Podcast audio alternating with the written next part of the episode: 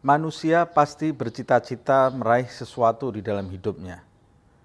Tapi cita-cita manusia akan berubah menjadi hayalan jika dia hanya bercita-cita tetapi tidak mewujudkan perbuatannya untuk mengejar cita-cita yang dia inginkan.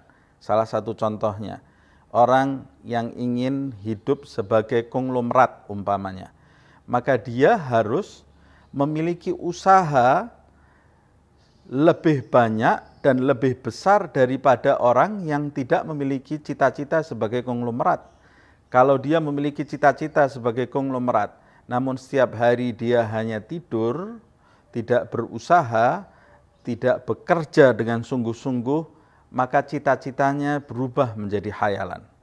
Lalu bagaimanakah kita merubah hayalan menjadi cita-cita atau menjadikan cita-cita kita itu adalah cita-cita yang sesungguhnya yaitu dengan melakukan perbuatan sesuai dengan apa yang kita inginkan. Begitu pula mereka yang menginginkan surga Allah Subhanahu wa taala, menginginkan kedekatan di sisi Allah Subhanahu wa taala, menginginkan surga firdaus dan kenikmatan yang ada di dalamnya, menginginkan kedekatan di sisi Nabi Muhammad wasallam.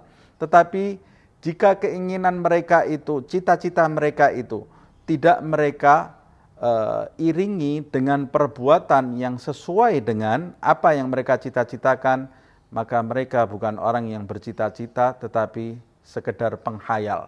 Allah Subhanahu wa taala menyebutkan di dalam ayat suci Al-Qur'an, "Wa man aradal akhirata wa sa'alaha sa'yaha wa huwa mu'minun faulaika kana sa'yuhum mashkura."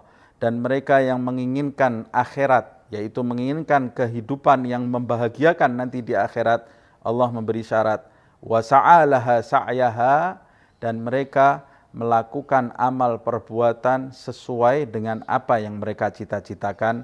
Wahwa mu'minun dan mereka beriman kepada Muhammad sallallahu alaihi wasallam. Faulaika kana sa'yuhum mashkura. Mereka itulah hamba Allah Subhanahu wa taala yang usahanya dikabulkan, diterima oleh Allah. Lalu tanyakan kepada diri Anda, Anda termasuk orang yang bercita-cita atau sekedar menghayal.